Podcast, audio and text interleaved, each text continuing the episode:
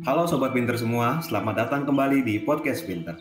Pada episode kali ini, izinkan saya, Miftah Firdausain, selaku Ketua Himpunan Mahasiswa Sejarah yang akan memandu dan juga menjadi moderator pada kegiatan hari ini. Yang mana ini merupakan Podcast Pinter episode ke-11. Salam kenal Sobat Pinter semua. Nah, pada episode ke-11 ini, tema yang akan kita angkat merupakan sebuah tema yang kerap kali ramai dibicarakan oleh masyarakat. Nggak hanya lapisan bawah, tapi juga ini menjadi pembicaraan yang sangat seru, bahkan di kalangan elitis sekalipun gitu. Tema kali ini adalah memahami isu-isu politik terkini. Apakah sebuah keharusan bagi mahasiswa? Nah, tema yang sangat layak untuk diangkat sebagai sebuah diskusi, mengingat sedang panasnya nih, beberapa bulan ke lalu itu isu-isu politik di Indonesia lagi dinamis-dinamisnya. Nah, guna menemani kita berbincang terkait hal itu, Podcast Pintar kedatangan Firdian Aurelio Hartono atau yang lebih akrab disapa sebagai Iyang, sebagai Ketua BMPC Unpad 2021 sebagai narasumber. Halo Kang Firdian, nah ini manggilnya siapa nih enaknya? Halo Mif, Iyang boleh santai. Iyang aja ya. Pakai gua lu uh, ana ente atau pakai bungit biar gua ada. lu aja santai kita. Gua lu aja ya. Oke siap. Oke Kang, seneng nih rasanya bisa bertemu lagi di diskusi bersama ini. Gimana nih Kang? Pertama sebelum kita bicara yang berat-berat dulu, tanya dulu kabarnya dan apa sih kesibukannya Kang ini? Oke, terima kasih juga ya Ifta dan teman-teman BMKMA dan Kema 4 yang mendengar. Kabar, kalau kabar dipaksa sehat di negara yang sakit kali ya. Tapi kalau kesibukan masih sama, lagi ngurusin BEM Fisik Unpad dan masih sama juga masih ngawasin jalannya pemerintah yang kadang-kadang sembrono inilah. mangga mangga Wif lanjut nih. Oke, waduh ini belum dimulai sudah rada nyentuh dikit ya. Oke, oke. Selanjutnya nih Kang, mungkin kita agak masuk Kang. Kita tapi boleh, awal-awal dulu mahasiswa yang selalu identik dengan pergerakannya yang mana kita udah tahu bersama bahwa lengsernya presiden di 65 ataupun di 98 itu pasti ada peran yang mahasiswa. Nah, kata pergerakan sering diafiliasikan dengan kesadaran politik seorang individu, terutama mahasiswa kan. Tapi sebenarnya nih Kang, kalau menurut Akang sendiri, pergerakan atau kesadaran politik itu apa sih Kang? Oke, ini kalau dari gue, Mif ya, sebenarnya pengen mencoba sharing di sini nggak dalam bentuk yang teoritis dan juga terlalu bahasa-bahasa yang sangat-sangat textbook gitu. Supaya kita juga bisa benar-benar memahami keadaan sesuai dengan situasi pemuda dan mahasiswa hari ini. Bagi gue sendiri sebenarnya, artinya kesadaran politik itu adalah kesadaran bahwasanya setiap hal itu diatur dalam keputusan politik. Kadang misalnya gini, contohnya kita ngambil satu case adalah Omnibus Law Cipta Kerja. Banyak pemuda, mahasiswa yang gak ngerasa terdampak dan gak ngerasa mau turun karena menganggap, bahkan gue gak kerja di pabrik, atau gue gak terdampak.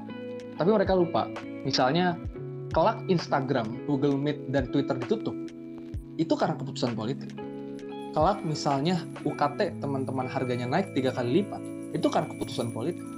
Kelak kalau misalnya kemudian kita nggak boleh keluar ke mana-mana, harus diam di rumah, tapi kemudian tidak dibiayai oleh sebuah kebutuhan dasar, itu karena keputusan politik.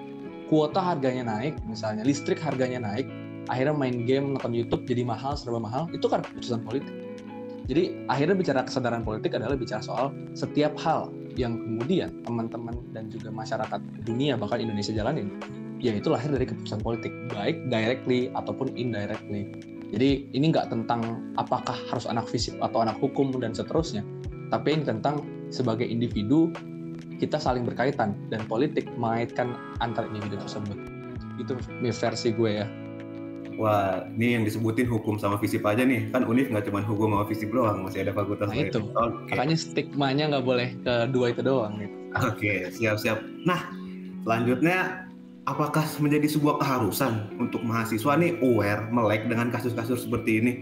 Bukannya isu-isu itu, ah udahlah mahasiswa kerjanya udah nurutin aja apa kata dosen, kerjain, biar nilai bagus, lapangan kerja bisa diterima, bisa dapat gampang kerja, bukannya enakan kayak gitu, Kang. Terus harus sadar tuh emang kenapa sih, Kang?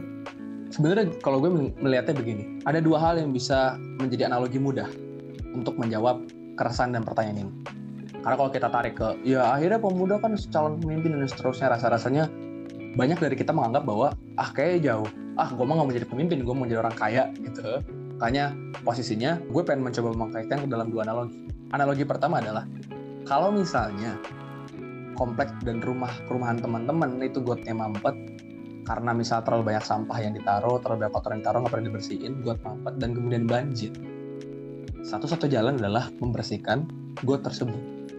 Tapi untuk membersihkan got tersebut secara cepat, secara efektif dan juga secara bersih, dia dibutuhkan gotong royong, dibutuhkan bersama-sama untuk turun. Turun ke mana ya? Turun ke got. Dari yang tadi di kasur, rebahan, bersih gitu ya. Tapi untuk membersihkan, dia harus turun ke got. Maka dia harus kotor, maka dia harus kemudian jadi bau, jadi berdebu, bahkan jadi kena lumpur-lumpur dan seterusnya. Bersama-sama ngambil sampahnya sampai kemudian sampahnya di titik nol, gotnya kemudian menjadi bersih dan banjirnya nggak pernah ada lagi. Sama kayak politik. Kalau kemudian politik kita anggap kotor, maka jangan di jangan dibiarkan. Maka dia harus turun. Baik turun ini versi infrastruktur politik, misalnya menjadi seorang mahasiswa, menjadi seorang aktivis, menjadi seorang uh, kritikus, atau misalnya menjadi seorang akademisi atau suprastruktur politik menjadi seorang kebijakan policy maker gitu ya, pembuat kebijakan publik, seorang governance, pemerintahan dan lain-lainnya. Tapi kemudian dia harus turun. Yang kedua adalah analoginya gini. Barack Obama pernah bilang, kalau misalnya Spotify kamu playlistnya diatur sama kakek kamu lagunya lagunya 50-an, 60-an, 70-an misalnya pasti kamu gak akan nyaman. Karena kamu pengennya dengerin lagu yang relevan dengan kondisi hari ini, sesuai dengan keinginan kamu. Sama seperti politik. Toh Spotify aja kita nggak mau diatur oleh mereka golongan tua yang tidak mengerti kondisi kita hari ini. Gimana ngomongin politik dan juga kebijakan negara.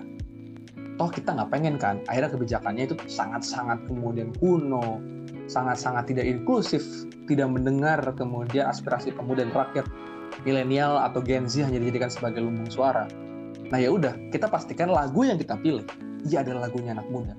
Kebijakan yang kita pilih dan tuntut, ya kebijakannya anak muda. Jadi sepenting itu sih, kalau menurut gue pribadi ya, Mif. Gitu. Oke, berarti pergerakan ataupun kesadaran politik ini yang menyesuaikan dengan keadaan dari pemudanya itu ya, kata kuncinya. Oke, selanjutnya nih kita berbicara tentang political standpoint. Nah, menurut lu sendiri, sarana paling tepat untuk menyuarakan opini politik atau political standpoint seorang mahasiswa itu melalui apa sih? Apakah dengan turun di jalan merasakan langsung bagaimana dinamikanya, bagaimananya crowdednya di jalan, ataukah cukup melalui thread thread di Twitter kah? Terus atau seperti apa sih yang sebenarnya harus dilakukan mahasiswa atau semuanya itu memiliki porsinya masing-masing? Kalau menurut itu gimana ya? Oke, okay. yang lu bilang benar, Mas bahwa semuanya memiliki porsi masing-masing. Akhirnya bicara pergerakan mahasiswa, dia tidak sesempit aksi demonstrasi turun ke jalan. Gitu. Makanya yang sebenarnya disalahartikan banyak orang adalah ayo dong mahasiswa bergerak, tapi bayangan bergerak itu hanyalah metode demonstrasi. Yang mana demonstrasi pun kita nggak pernah mengalami sebuah uh, perubahan metode dari zaman 65, 98 hingga sekarang 2021 metodenya selalu sama. Kalau kita bandingin misalnya sama uh, social movementnya di Hong Kong, social movementnya di Arab Spring, social movementnya Black Lives Matter, dan seterusnya. Nah maka sebenarnya kalau bicara soal jalan-jalan tersebut, yang perlu dipastikan adalah begini. Satu, pahami dulu bahwa mahasiswa itu adalah entitas yang tidak terpisahkan dari rakyat. Jadi mahasiswa itu bukan pahlawan, boleh jadi kita memang menyebut hidup mahasiswa, hidup rakyat Indonesia. Tapi dia bukanlah dua entitas yang terpisah. Jadi kunci pertama penting dulu bahwa tahu bahwa kita tuh bukan pahlawan, kita bukanlah sebuah hero. Jadi kita nggak bisa cuman sosokan datang di akhir last minute dan menyelesaikan masalah itu nggak mungkin. Nah makanya yang harus dilakukan adalah menyadari bahwa kita punya kekurangan, kita punya porsi masing-masing, dan kita toh masih seorang menjadi uh, apa ya mahasiswa yang hidup mungkin di bawah orang tuanya dalam hal biaya, dalam hal tempat, kita belum memiliki sebuah gaji tetap dan keluarga dan seterusnya. Nah, maka uh, pastikan baik teman-teman dari jurusan apa pun, keilmuannya apa pun, fakultasnya apa pun, kampusnya apa pun, bahkan teman-teman yang kemudian uh, nggak di kampus itu harus paham bahwa rasanya kita punya porsi masing-masing. Dan untuk bicara porsi masing-masing, kalau aku sih menganalogkan adalah ya silakan. Kalau misalnya teman-teman mau mencoba untuk mengaspirasikan uh, keresahan lewat pengabdian masyarakat pengen lewat uh, demonstrasi, pengen lewat sebuah kajian strategis, penelitian. Menjadi apa? Social entrepreneurship. Bukan cuma nyari cuan, tapi cuan teman-teman mampu menghidupi masyarakat sekitar dengan misalnya menggaji mereka, meng-hire mereka, dan seterusnya.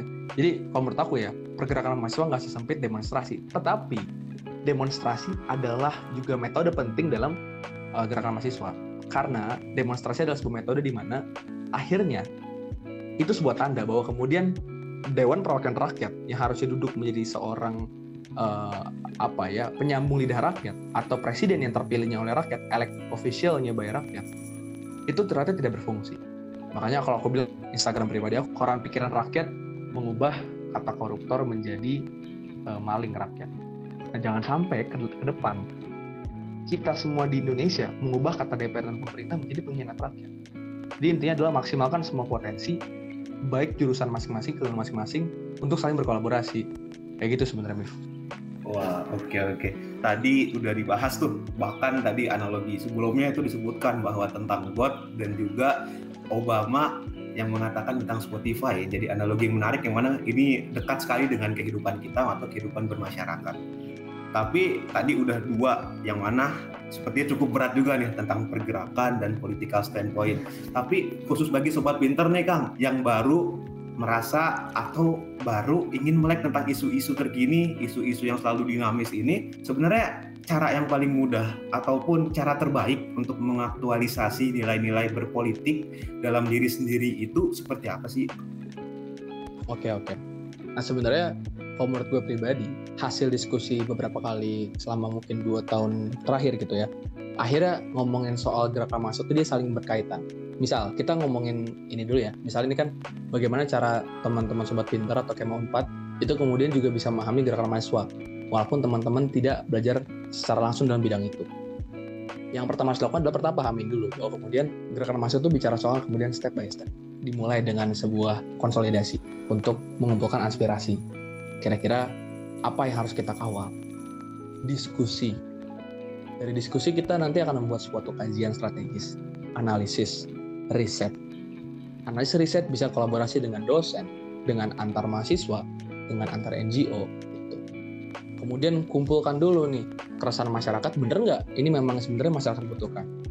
Baru setelahnya konsolidasi kembali untuk menyatukan kekuatan bahwa kira-kira dari hasil kajian ini kita harus bikin sikap apa Misalnya ngomongnya sikap tolak pelemahan KPK. Nah, dari tolak pelemahan KPK, tentu saja nggak semua orang ngerti tentang KPK itu seperti apa. Maka yang dibutuhkan adalah propaganda. Propaganda itu bahasa gampangnya mah ya strategi marketing, tapi versi ngomongin keresahan masyarakat. Propaganda ini bisa dikemas dengan TikTok, dengan YouTube, dengan podcast seperti ini misal dan seterusnya. Kemudian dari teman-teman bikin propaganda, teman-teman bisa next lagi ke ngomongin soal audiensi hasil kajian teman-teman teman-teman berikan kajiannya kepada misalnya pihak berwenang, kepada negara, kepada kebijakan pembuat kebijakan publiknya, baik itu rektorat misalnya, bupati misalnya, presiden, DPR misalnya. Ketika kemudian hasil audiensi berkali-kali tidak pernah diterima, maka teman-teman bisa masuk ke tahap lebih lanjut. Ngomongin soal aksi turun ke jalan. Atau mungkin teman-teman menyebutnya demonstrasi bisa. Nah di dalam hal ini, ketika teman-teman bicara soal demonstrasi, maka teman-teman harus pastikan dulu tahu demonstrasi itu awalnya seperti apa misalnya ya di Hong Kong sendiri Hong Kong itu dia punya sebuah oh, mekanisme teman-teman. Jadi dia menggocek polisi menggocek aparat. Dia bilang nih seruan aksi titik kumpul A. Polisi semua datang ke titik A. Atau mereka demonya di titik B. Jadi gerakan mahasiswa itu juga bicara soal bagaimana dan mereka tuh punya sebuah aplikasi namanya Wire. Wire ini aplikasi yang nggak bisa di screenshot nggak bisa disadap dan seterusnya. Nah, tapi untuk gunain wire butuh dulu kesadaran common sense untuk kemudian menggunakan aplikasi-aplikasi ini. Baru mereka kemudian uh, menekan pemerintah dengan berbagai cara. Setelah goals, ya itu alhamdulillah. Tapi kalau enggak, mereka pastikan konsol ulang lagi, kajian ulang lagi. Panjang. Aku pernah ditegur gini sih. Jadi dulu tuh ada yang pernah negur, ah udahlah nggak usah aksi. Besok kan nggak ada momentumnya. Dari gue cuma bilang, coba sebutin satu aksi di dunia ini yang lewat satu kali aksi masalahnya beres sebutin dari ma dari masa apa pun deh. Revolusi Prancis revolusi industri revolusi Inggris revolusi Rusia mungkin juga di revolusi Indonesia. Reformasi nggak ada dong. Satu kali aksi beres dia perlu proses. Makanya sebenarnya yang penting dari gerakan itu konsistensi. Nah tadi pertanyaan Miftah untuk kemudian bikin teman-teman terutama mahasiswa baru misalnya yang pengen kemudian lebih melek terhadap ini adalah pastikan. Aku tuh pernah dapat wajangan gini jadi kalau dulu tuh ilmu kan cuma filsafat ya jadi filsafat tuh menyangkut matematika sains politik sejarah menyangkut soal uh, bahkan mungkin hal-hal seperti uh, hukum, budaya, bahkan hal-hal yang sifatnya seperti pertanian, tanah dan seterusnya. Dulu tuh satu ilmu tuh mempelajari banyak hal. Jadi orang-orang kayak Plato, Aristoteles dan seterusnya, ya mereka nggak peduli kayak gue bukan jurusan ini, gue bukan jurusan ini. Terus misalnya kita ke zamannya Bung Karno, Bung Karno tuh lulusan apa? Dia bukan lulusan politik, hukum, bukan lulusan kemudian uh, budaya, dia lulusan dari teknik ITB tapi dia tetap nulis buku tentang politik pemikiran sejarah dan seterusnya. Itu bukti bahwasanya teman-teman di jurusan apa pun fakultas apa pun baik teman-teman medical kompleks agro kompleks sosum dan seterusnya bukan berarti teman-teman nggak boleh belajar ilmu lain. Nah jadi pahami dulu bahwa teman-teman boleh nih memperfekkan ilmunya teman-teman tapi ingat bahwa ilmu itu berkesinambung makanya kalau menurut aku memulai ngerti gerakan mahasiswa dimulai dulu dengan ngerti bahwa ilmuwan teman-teman kelak bisa digunakan dengan apa dan kelak perlu dikolaborasikan dengan apa. Baru tuh ngomongin soal kajian propaganda aksi diskusi. Sebelum tahu sebenarnya why-nya teman-teman tuh apa masuk jurusan itu agaknya teman-teman nggak semangat pasti menjalani passionnya sendiri. Gitu men nah jadi gitu sobat pinter. Disesuaikan tadi seperti yang dibilang sama Ian disesuaikan lagi dengan kekhususan atau bidang keilmuannya bahwa kita dari jurusan apa pun sebenarnya bisa mengambil peran Lalu alurnya seperti apa tadi sudah dijelaskan bahwa diskusi, analisis, riset, keresahan masyarakat yang diakomodir, konsolidasi dan demonstrasi. Gitu sobat-sobat pinter. Oke, selanjutnya kita akan membahas tentang mahasiswa yang tadi di awal menjadi bahas tentang pergerakannya karena mahasiswa dan pergerakan sangat identik. Terkadang ketika lagi melakukan suatu gerakan nih, ada yang bilang lah, ah itu mah ditunggangi gerakan itu mah terafiliasi dengan gerak dengan organ ekstra itulah, dengan partai itulah. Nah, bagaimana sih cara terbaik untuk menyikapi dan menyadarkan mereka bahwa kita sebenarnya bergerak itu atas dasar rakyat gitu. Bahwa keberpihakan kita atas dasar rakyat tapi dengan cara-caranya sendiri. Lalu bagaimana sih menyikapi orang-orang yang suka mengatakan ataupun adanya opini-opini liar semacam itu kalau menurut yang? Nah sebenarnya kalau pandangan gue gini ya, pertama kita justru harus membuka kanal-kanal selama ini kita anggap adalah sebagai aib. Selama ini nih, nih misal selama ini kita rasanya cukup rasa tabu dan haram ketika mau bicara soal partai, ketika mau bicara soal tokoh-tokoh politik, ketika bicara soal kelakuan kebejatan polisi, pengkhianatan presiden DPR, kayak ah nggak boleh gitu, nggak boleh gitu, nggak usah. Buka kanal demokrasi, buka jendelanya, tunjukkan bahwa Indonesia sedang tidak baik-baik saja sistemnya. Dan tugas kita adalah kemudian justru spread the awareness. Makanya sebenarnya kalau gue pribadi ya, ketika diskusi menganggap kita tuh egaliter, pun terlepas dari jabatan struktural kita. Dan kita berhak untuk ngomong apa pun, toh ini demokrasi. In the end, uh, gue pernah dengar uh, sebuah saran gini dari seorang kakak tingkat. Ilmu itu gak boleh dianggap netral jadi nggak bisa ketika posisinya misalnya teman-teman nggak ngerti Omnibus Law Cipta Kerja. Teman-teman nggak ngerti tentang RUU KPK. Karena nggak ngerti bilangnya, ah gue netral dulu deh karena belum baca. Ingat gak argumen, tadi kan Miftah juga uh, obrolin tentang argumen pemerintah itu apa? Uh, misalnya tadi ya, tentang ditunggangin. Ada lagi kan misalnya, seribu halaman emang udah baca gitu. Memang baca menjadi penting, cuman yang menjadi penting apa? Kalau gue pernah bilang gini, Omnibus Law itu kan berganti-ganti draft banyak sekali 800 halaman 900 halaman 1000 sekian halaman 1000 sekian halaman DPR menganggap ketika halaman diganti masyarakat berhenti untuk uh, menyuarakan padahal yang kita aksikan yang kita tentang itu bukan saja omnibus law-nya tapi arogansi kekuasaan dalam menghadapi rakyatnya jadi satu hal bahwa kemudian perlu baca dan perlu paham lebih jauh uh, apa namanya bagus tapi yang perlu paling dasar adalah memahami bahwa kita sedang tidak baik-baik saja. Entah bicara soal kemudian sudah baca atau belum, tapi kita sadar bahwa ini nggak baik-baik aja. Ada arogansi kekuasaan, ada pengkhianatan, ada penindasan, ketidakadilan dan seterusnya. Makanya kemudian sebenarnya adalah ilmu teman-teman nggak boleh netral. Kelak suatu hari dari gue, dari Miftah teman-teman di sini atau pendengar ngerasa bahwa ah, gue nggak ngerti gue pilih netral dah. Pastikan bahwa selama itu juga teman-teman adalah nggak ada bedanya dengan uh, pengkhianat-pengkhianat di penguasa kita. Bertrand Russell pernah bilang, sumber kekacauan di dunia adalah ketika orang-orang bodoh dan juga orang-orang tamak merasa yakin, tapi orang-orang pintar dan orang-orang bijak merasa ragu. Jadi teman-teman nggak boleh kehilangan keraguan, eh sorry, nggak boleh kehilangan keyakinan untuk kemudian walaupun isunya nggak gue banget gitu misalnya tapi nggak boleh kehilangan keyakinan untuk memperjuangkan itu juga sebenarnya itu yang penting makanya ilmu nggak boleh netral kedua teman-teman nggak boleh kehilangan keyakinan. Ketiga bicara ditunggangin. Ya pastikan teman-teman ditunggangi oleh kepentingan rakyat. Rakyat itu siapa? Tadi dengan alur sebuah konsolidasi kajian propaganda sosialisasi mendengarkan langsung ke warkop-warkop teman-teman ke desa ngobrol sama Gojek ngobrol sama ojol gitu ya ngobrol sama ADD gitu AA di ADD AA Pancong. Ngobrol itu weh santai maksudnya gimana hari ini jadi akhirnya bicara sama rakyat jadi nggak nggak fana. Nah makanya tadi uh, gue adalah ntar dulu ngomongin soal kemudian uh, paham betul tapi mulai dengan bangun kesadaran bahwa oh kita sedang tidak baik-baik saja. Gitu. Oke. Menarik menarik. Karena pada akhirnya nggak ada yang netral dan pada akhirnya di satu pilihan tertentu pasti bakal berpihak pada sesuatu. Dan pastikan teman-teman tadi seperti yang udah ditegaskan juga oleh Iyang bahwa berpihaknya harus pada rakyat jadi begitu nah lalu apakah solusi dari isu-isu yang vokal selalu diteriakan oleh mahasiswa kalau menurut lu didengar atau ditanggapi dengan si pembuat kebijakannya nih. Nah, si pengkritiknya kan selalu bersuara seharusnya A, seharusnya B. Tapi bagaimana sih tanggapan yang dikritiknya itu atau si pemangku kebijakan atau sebut aja pemerintah? Gimana nih yang yang selalu yang lu udah lu rasain kan udah berbagai dinamika lu lawin nih.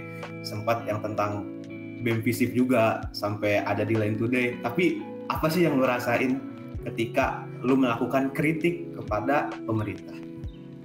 Nah, posisinya gue tuh inget betul presiden itu kan viral ya mengundang dan menggaji staf sus milenial dengan gaji ratusan juta pemuda-pemuda yang kemudian pernah kuliah di luar negeri punya startup jadi pengusaha besar diundang kan di hire buat jadi staf milenial. Tujuannya apa sih? Staf milenial ini nggak bisa bikin kebijakan tapi dia hadir buat jadi teman diskusinya presiden. Jadi buat jadi teman diskusi presiden dihargai ratusan juta. Tapi mahasiswa tiap kali aksi datang ke istana, datang ke DPR, pengen duduk diskusi. Keresahan masyarakat secara gratis, itu nggak diterima. Nggak pernah kemudian ditanggapin secara serius, selalu lip service. Kan jadi heran ya, kita nawarin yang gratis nggak diterima buat diskusi, eh presiden capek-capek nyari staf milenial gaji ratusan juta buat ajak diskusi. Nah jadi banyak sekali dinamika ketika di lapangan. Presiden misalnya kita ngomongin case presiden ya. Kan ada berbagai lembaga kenegaraan. Presiden selalu berusaha menenangkan. Ya kami mah akan mendengar suara rakyat ya nanti kami akan coba pertimbangkan lagi. Ya kami berpihak kepada kemanusiaan tapi nggak pernah dilakukan makanya ketika kemudian Presiden Jokowi dibilang King of Lip Service bagi gue itu keresahan yang genuine sih. Karena kalau misal cerita uh, di lapangan itu terlalu banyak. Saking banyaknya gue bingung ini Jokowi pernah jujur gak sih? Gitu. Saking banyaknya dihianatin gitu. Makanya posisinya adalah ketika sudah seperti ini ketika berulang kali lip service terjadi yang bisa kemudian kita sebagai masyarakat sipil dan mahasiswa lakukan adalah kemudian terus tidak terdistract dengan hal-hal yang sifatnya adalah sentimental.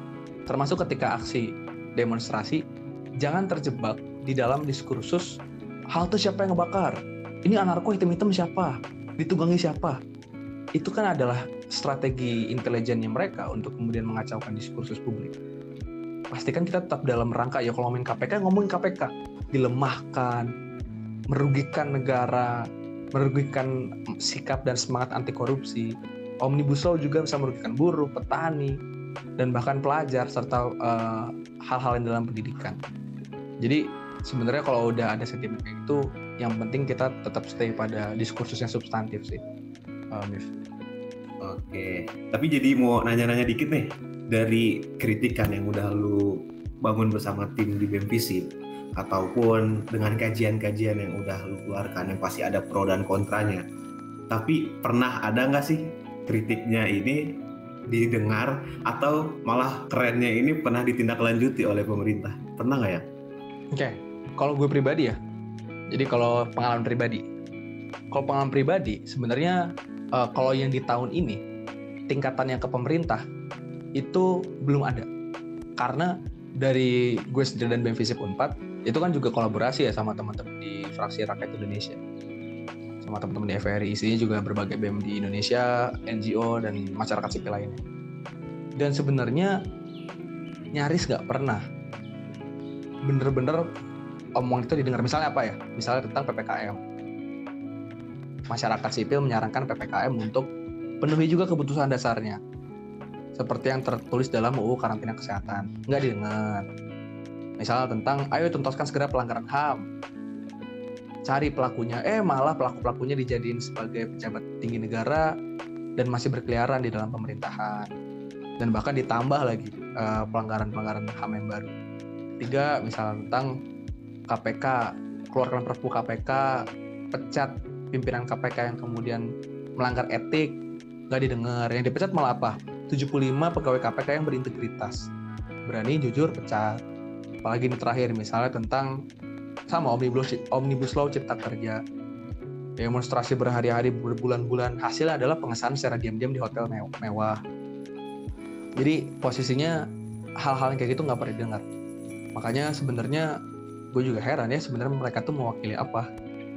Kalau misalnya hal-hal kecil diakomodir misalnya ya kayak oh kan pemerintah sudah memberikan subsidi kuota buat mahasiswa oh kan pemerintah sudah memberikan uh, anjuran pemotongan UKT untuk mahasiswa.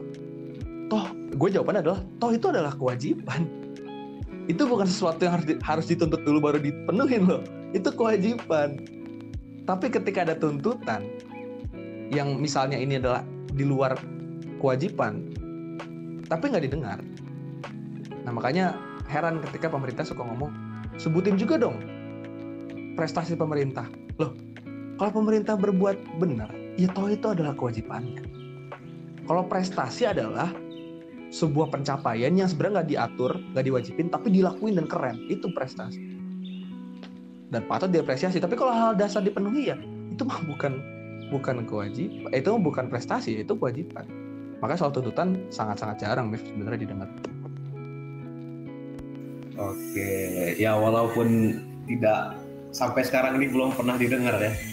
Semoga tadi seperti kata yang udah lu bilang kan bahwa pergerakan itu bukan tentang aksi yang sekali, tentang sebuah momentum, tapi keberlanjutan atau kontinuitas dari segala yang dilakukan atau istiqomah ya dari yang sudah dilakukan. Semoga BIMFIT tetap on track, semoga tetap menjadi pengawal dari isu-isu rakyat. Nah, atau barangkali nih dengan adanya podcast Pinter ini bisa jadi jalan ataupun sarana untuk didengarkannya suara rakyat yang tadi diwakilkan yang kepada pemerintah. Oke, kita lanjut ke pertanyaan selanjutnya nih yang bagi mahasiswa yang mana kan lagi zaman sekarang nih pasti banyak banget tantangannya kalau mau melakukan demonstrasi protokol kesehatan lah nggak boleh kumpul-kumpul lah atau karena adanya pembatasan lah. Tapi kalau zaman sekarang nih, kalau kita melakukan demonstrasi, kan pasti banyak tantangan ya. Belum lagi ntar ada yang belum diizinin sama orang tua, atau ada kendala-kendala lainnya nih. Tapi kalau menurut lu, tadi kan juga seperti awal dibilang bahwa semua ada porsinya, bahwa yang di jalan ada porsinya, yang juga di sosial media ada porsinya. Lalu teman-teman yang ingin ataupun sobat pintar yang ingin berdemonstrasi, menyuarakan aspirasinya, menyuarakan suaranya, tapi dia tidak bisa turun ke jalan. Menurut lu sendiri gimana nih yang yang udah sering banget turun aksi dan udah tahu dinamika di dalamnya? Oke. Okay. Nah, ini akhirnya kalau ngomongin soal manajemen aksi, itu penting banget. Makanya gue tuh selalu dari dulu ya menyarankan sebenarnya manajemen aksi ini seharusnya masuk dalam kurikulum kampus. Maksudnya kurikulum kampus itu kurikulum ospek ya, kurikulum ospek gitu. Biar kenal, biar kalau aksi gak cuma turun buat foto-foto gimana kayak gitu. Nah, cuman hari ini gue nggak akan terlalu banyak ngomongin manajemen aksi, tapi kita akan coba ngomongin adanya sebuah evolusi dari metode aksi itu sendiri gitu. Dulu, ketika demonstrasi, ketika aksi, kita bisa menggunakan cara yang kemudian terdengar sadis. Turunkan harga BBM atau kami akan berdarah-darah. Ada yang kemudian gak makan tujuh hari. Ada yang nyemen kakinya uh, ya di dalam semen gitu. Ada yang uh, ngebakar dirinya sendiri gitu. Dulu tuh laku. Sekarang kita generasi kita aja kayak gitu. Ogah duluan kan. Eh, males banget panas-panasan turun. Apalagi harus ngeri darah-darah gitu mending gue main TikTok, mending gue main Instagram, mending gue main game, Mobile Legend. Sekarang metodenya berubah. Mesti pakai cara Jokowi the king of lip service. Pemerintah PHP kayak mantanku. Kami percaya Jokowi tapi bohong. Cara-cara yang ya sesuai dengan meme dan jokes kita kekinian. Makanya, tapi toh itu tidak mengurangi keresahan dan juga tidak mengurangi substansinya kan.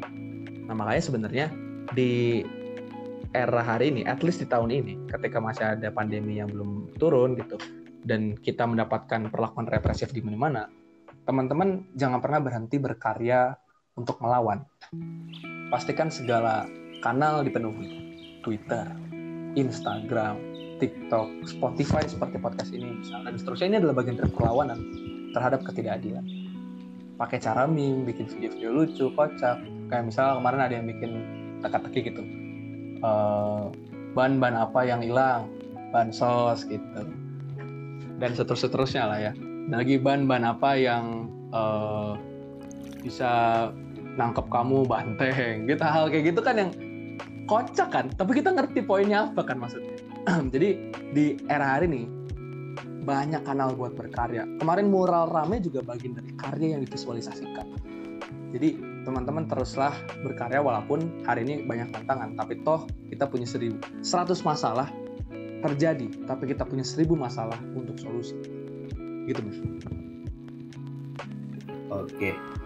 Nah, tadi kita udah ngomongin juga nih beberapa sempat disinggung tentang isu-isu terkini, keadaan politik dalam lingkup Indonesia atau nasional Nah, kita colek ataupun kita perdalam sedikit nih tentang Indonesia ataupun orang-orang dan pemangku kebijakan terkait yang mana menjadikan roda pemerintahan itu berjalan. Menurut lo, pemerintah apakah telah mampu menjamin nilai-nilai demokrasi, khususnya keterbukaan suara ataupun kebebasan pers, terus kepada mahasiswa yang melakukan ataupun mengutarakan opini mereka, atau jangan-jangan menurut lo tadi seperti yang dulu bilang yang dilakukan itu cuma lip service atau kebanyakan jargon pemerintah? Yang mana nihil sekali implementasinya dalam berjalannya. Tapi kalau menurut lu versi yang nih pemerintah seperti apa sih oke oke nah sebenarnya kita bisa ambil kalau ini dengan data ya uh, bahkan jadi dalam 14 tahun terakhir laporan The Economist Intelligence Unit itu bilang 14 tahun terakhir indeks demokrasi Indonesia di titik paling rendahnya. Itu menjawab, itu dengan data. Data yang dilakukan bertahun-tahun lewat berbagai macam survei yang ilmiah dan ini The Economist loh. Gitu. Jadi uh, itu pun sudah bisa menjawab betapa buruknya demokrasi kita di hari. Bahkan ibaratnya di tahun 2019 aja teman-teman, itu ngelakuin sebuah aksi demonstrasi. Yang ditangkap tuh 1.300-an tahun 2020 itu 1100-an kalau nggak salah. Di tahun 2021 itu seribuan. Padahal kita belum beres nih tahunnya itu laporan menurut teman-teman dari YLBHI atau Kontras kalau nggak salah nah ini kan yang menjadi ini satu data lagi ya aku baca ada hal-hal yang kemudian dari Komnas Komnas oh sorry tadi data dari Komnas HAM nah ada dari Komnas HAM pun menyebutkan bahwa di tahun 2017 itu tertinggi 2000 290 aduan tentang kekerasan aparat kepolisian. Data menurut YLBHI, sepanjang 2019, 51 meninggal terkait unjuk rasa. Korban tewas reformasi korupsi misalnya, ada Maulana Suryadi dari Jakarta, Akbar Alamsyah Jakarta, Supriya di Jakarta, Imawan Ran di Kendari, Yusuf Kardawi dari Kendari, meninggal karena ikut. Menurut LSI, Lembaga Survei Indonesia, per 2021, kepercayaan terhadap Presiden Joko Widodo dalam 4 bulan terakhir menurun dari 56% menjadi 43%. Itu data-data yang itu bahkan belum semua disebut, tapi menjadi sebuah bukti bahwa ada kondisi yang memang sedang tidak normal. Akhirnya bicara soal kondisi orde paling baru, itu tuh hadir karena keresahan tersebut. Datanya nyata. Ini bukan sekedar jargon, tapi datanya nyata.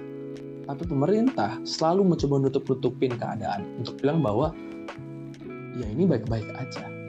Nah makanya tugas kita sebagai masyarakat sipil yang keberpihakannya adalah kepada masyarakat luas ya adalah menegaskan bahwa kita sama-sama sayang Indonesia kok pemerintah gitu dan juga masyarakat.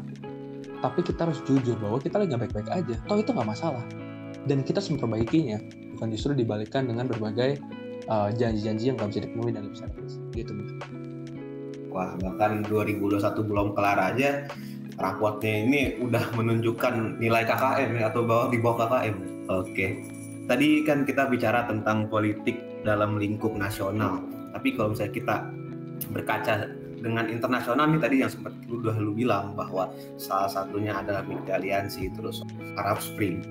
Nah, terus kalau menurut lu mahasiswa dalam menanggapi ataupun mengambil sikap dari pergerakan-pergerakan sosial movement tadi yang berkaitan dengan politik, sosial, ataupun ekonomi, sebaiknya dalam menyikapi hal itu seperti apa? Apakah harus membebek ataupun pada akhirnya ini menjadi referensi yang bisa diterapkan dalam pergerakan mahasiswa? Dalam bicara soal membangun suatu konsistensi dan fundamental social movement, yang paling penting adalah membangun pendidikan atau kemudian kaderisasi. Itu penting banget. Jadi nggak bisa sifatnya hanya lewat tongkrongan-tongkrongan kecil. Walaupun dia bisa satu menjadi menyebar ya. Daripada nggak sama sekali mending kayak gitu. Cuman untuk benar-benar pengen lebih cepat dan lebih masif, dia butuh suatu pendidikan. Pendidikan politik, pendidikan kaderisasi, pendidikan social movement, dan seterusnya. Nah, maka teman-teman harus bisa berpikir bahwa kemudian ketika misalnya kita ngambil contoh negara lain, mereka tuh sudah betul-betul canggih. Satu waktu ya teman-teman aku pernah uh, dapat kesempatan diskusi bareng salah satu aktivis Thailand. Thailand kan gerakannya menurunkan raja ya, karena raja dianggap korup dan juga mementingkan dirinya sendiri. Nah, di dalam percakapan tersebut, si aktivis Thailand ini cerita bahwa demo mereka udah nggak lagi targetnya adalah mengorbankan nyawa. Jadi mereka itu ya kalau lagi aksi teman, mereka tuh gelar kayak konser, ada makanan festival, mereka pakai payung-payung warna-warni buat foto-foto. Mereka tahu itu bisa ngundang orang buat ikut foto booth. Ada konser-konser kecil gitu. Misalnya ngundang Iwan Fals atau Parsi Thailand tapi ya, atau siapa gitu. Jadi uh, itu menarik kemudian masa yang kemudian tadinya nggak peka menjadi ih apa nih? Kayaknya seru banget. Dari seru menjadi ih oh gini toh kejadiannya. Dari ih oh tahu. Jadi kayak oke okay, gue akan support oke okay, gue akan lawan. Dia butuh proses. Nah makanya sebenarnya yang paling penting pertama adalah pendidikan. Bagaimana setiap kampus, BEM, BEM fakultasnya, BEM univnya, himpunannya, harus memastikan pendidikan tentang politik dan sosial movement itu ada. Yang kedua, harus memastikan bahwa metode aksi pun berubah. Karena gini, dalam suatu buku disebutkan revolusi memang membutuhkan darah. Tapi kalau darah nggak harus terjadi, itu lebih baik. Itu nama yang aku sebutkan tadi, lima orang yang meninggal dalam revolusi korupsi. Dia adalah lima, lima orang yang kemudian anak dari seorang ibu dan ayah yang menunggu kapan mereka pulang loh dan akhirnya hasil reformasi korupsi pun kemudian nggak begitu maksimal. Perlu banyak otokritik buat gerakan mahasiswa. Darahnya tumpah sia-sia dong jadinya. Terkesannya kan seperti itu ya. Makanya kelak ke depan kita perkuat yang penting adalah pemikiran kita, solidaritas kita, metode kita. Contoh di Hong Kong tuh untuk menghindari uh, apa namanya informasi disadap mereka menggunakan airdrop terus mereka kalau ada CCTV yang mau ngerekam mereka mereka gunakan laser terus mereka udah punya berbagai alat buat apa namanya membalikan lagi kalau dilempar gas air mata mereka punya alat buat ngelawan water cannon jadi mereka canggih gitu nah di, di luar kesadaran butuh kan yang namanya suatu kecanggihan butuh sebuah yang namanya konsistensi makanya sebenarnya PR buat gerakan masuk itu banyak banget Nah, tapi bicara banyak bukan berarti nggak bisa diselesaikan. Dia bisa satu persatu. Dimulai dari tadi ya teman-teman di sini, kamu empat di sini, pendengar di sini harus sadar dulu tentang dirinya bisa ngambil peran apa. Dari situ insya Allah menjadi menjadi suatu niat yang baik untuk ke depannya. Gitu, Bif. Oke.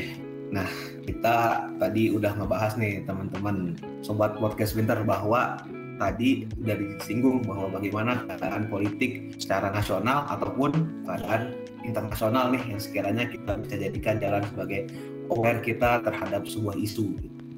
Selanjutnya kita ke harapan dan untuk mahasiswa dulu deh.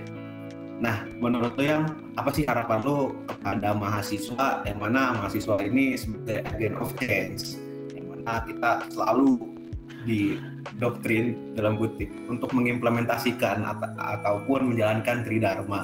Harapan lu terhadap mahasiswa itu apa sih yang dengan tadi yang udah dijabarin dari awal? Bagi gue agent of change itu bukanlah sebuah ibaratnya gini. Kalau mahasiswa lu adalah agent of change sudah pasti. Enggak. Kenapa sih kita disebut agent of change? Karena teman-teman, pertama sobat podcast pintar yang dengar hari ini, nggak semua orang itu bisa duduk di kursi yang sekarang teman-teman sedang nikmati gak bisa mengenakan alma mater yang teman-teman sekarang sedang kena kenain. Makanya ketika kita masuk ke kampus, kita diberikan sebuah pembelajaran akademis, ilmiah, demokratis, kita di lingkungan yang suportif, kepanitiaan ikut bisa, organisasi bisa, pengabdian bisa, lomba-lomba bisa, gerakan bisa. Itu nggak semua orang menikmati.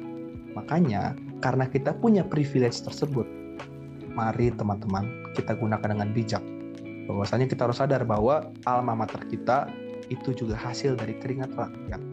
Kita berhutang kepada rakyat. Kita adalah bagian dari rakyat dan kita juga berhutang kepada rakyat. Dan pastikan untuk mahasiswa ya, itu harus paham dulu why-nya. Start with why, kenapa teman-teman kemudian harus bergerak. Start with why, kenapa teman-teman ada di kampus ini. Kalau teman-teman cuma kerjaan nyari CV, nyari relasi, it's never enough pasti. Pastikan teman-teman juga punya niat baik. Dan terakhir, ya aku sering bilang ya, ini mah di setiap tempat ketika kemudian ditanya analogi gampang, kenapa kita harus kemudian berjuang? Ya alma mater teman-teman, baunya boleh beda-beda. Boleh bau gas air mata kerasnya ikut turun aksi, boleh bau sayur-sayuran kerasnya ikut pengabdian desa, boleh bau ruangan ber-AC kalau ikut debat konferensi, asal jangan bawa lemari karena habis ospek disimpan dan tidak pernah diabdikan. Pastikan teman-teman gunakan materi untuk terus berjuang. Itu Mif, harapan untuk mahasiswa. Oke, ya jadi gitu ya teman-teman jangan sampai alma maternya hanya bau dengan pengharum lemari saja atau bau lembab ke lemari. Oke, tadi dari mahasiswanya, sekarang dari sisi pemerintahnya nih, pesan dan harapan lu tuh apa sih yang? Oke, pertama, wahai pemerintah kita ya kita cintai, kritik itu bentuk kita cinta terhadap bangsa negara. Negara itu adalah organisasinya, pemerintah. Pemerintah silih berganti, tapi bangsa Indonesia harus tetap menjadi satu. Maka pemerintah harus sadar bahwa kemudian currencies-nya, mata uang antara pemerintah dan rakyat adalah trust, adalah kepercayaan. Kalau pemerintah kehilangan kepercayaan, sebagus apa pun kebijakannya, apalagi jelek kebijakannya, rakyat nggak percaya, itu adalah sebuah musibah, itu sebuah bencana pemerintah harus tahu bahwa yang kita suarakan itu adalah sebuah voice, sebuah suara, bukan noise, bukan kebisingan. Dan sering kali dalam sejarah, sejarah itu berulang. Dan sering kali dalam sejarah, ketika pemerintah dan penguasa itu kehilangan kepercayaan dari rakyatnya, terlalu banyak menindas, tidak adil, dan kemudian mengabaikan suara rakyatnya, maka sering kali banyak drama yang kemudian berlangsung, tapi lebih baik akhir yang dramatis daripada drama tanpa akhir. Ini kalau pemerintah dengar ya tafsirkan maksudnya apa ya. Tapi harapannya kita pun mahasiswa kepada pemerintah bisa pastikan kita bukan hanya kerumunan tapi barisan, bukan sekedar buih tapi gelombang. Itu sih. Jadi kita ada a nation in waiting. Kalau kata Bung Karno, a nation in waiting. Jadi pastikan bahwa bangsa kita besar dan layak untuk kemudian merdeka selama-lamanya. Gitu deh. Oke, Ya, jadi begitu teman-teman.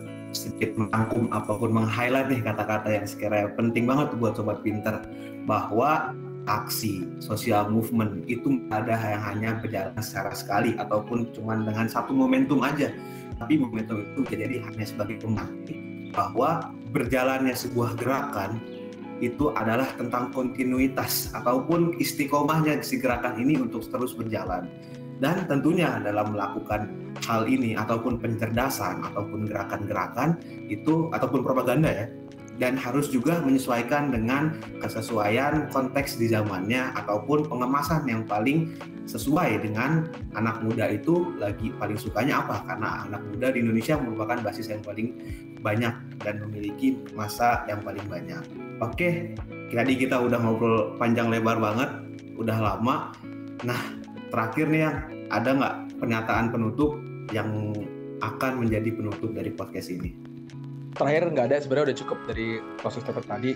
Tapi lagi-lagi pengen mencoba ngerimain teman-teman kalau kata Tan Malaka kemewahan terakhir yang dimiliki oleh pemuda adalah idealisme.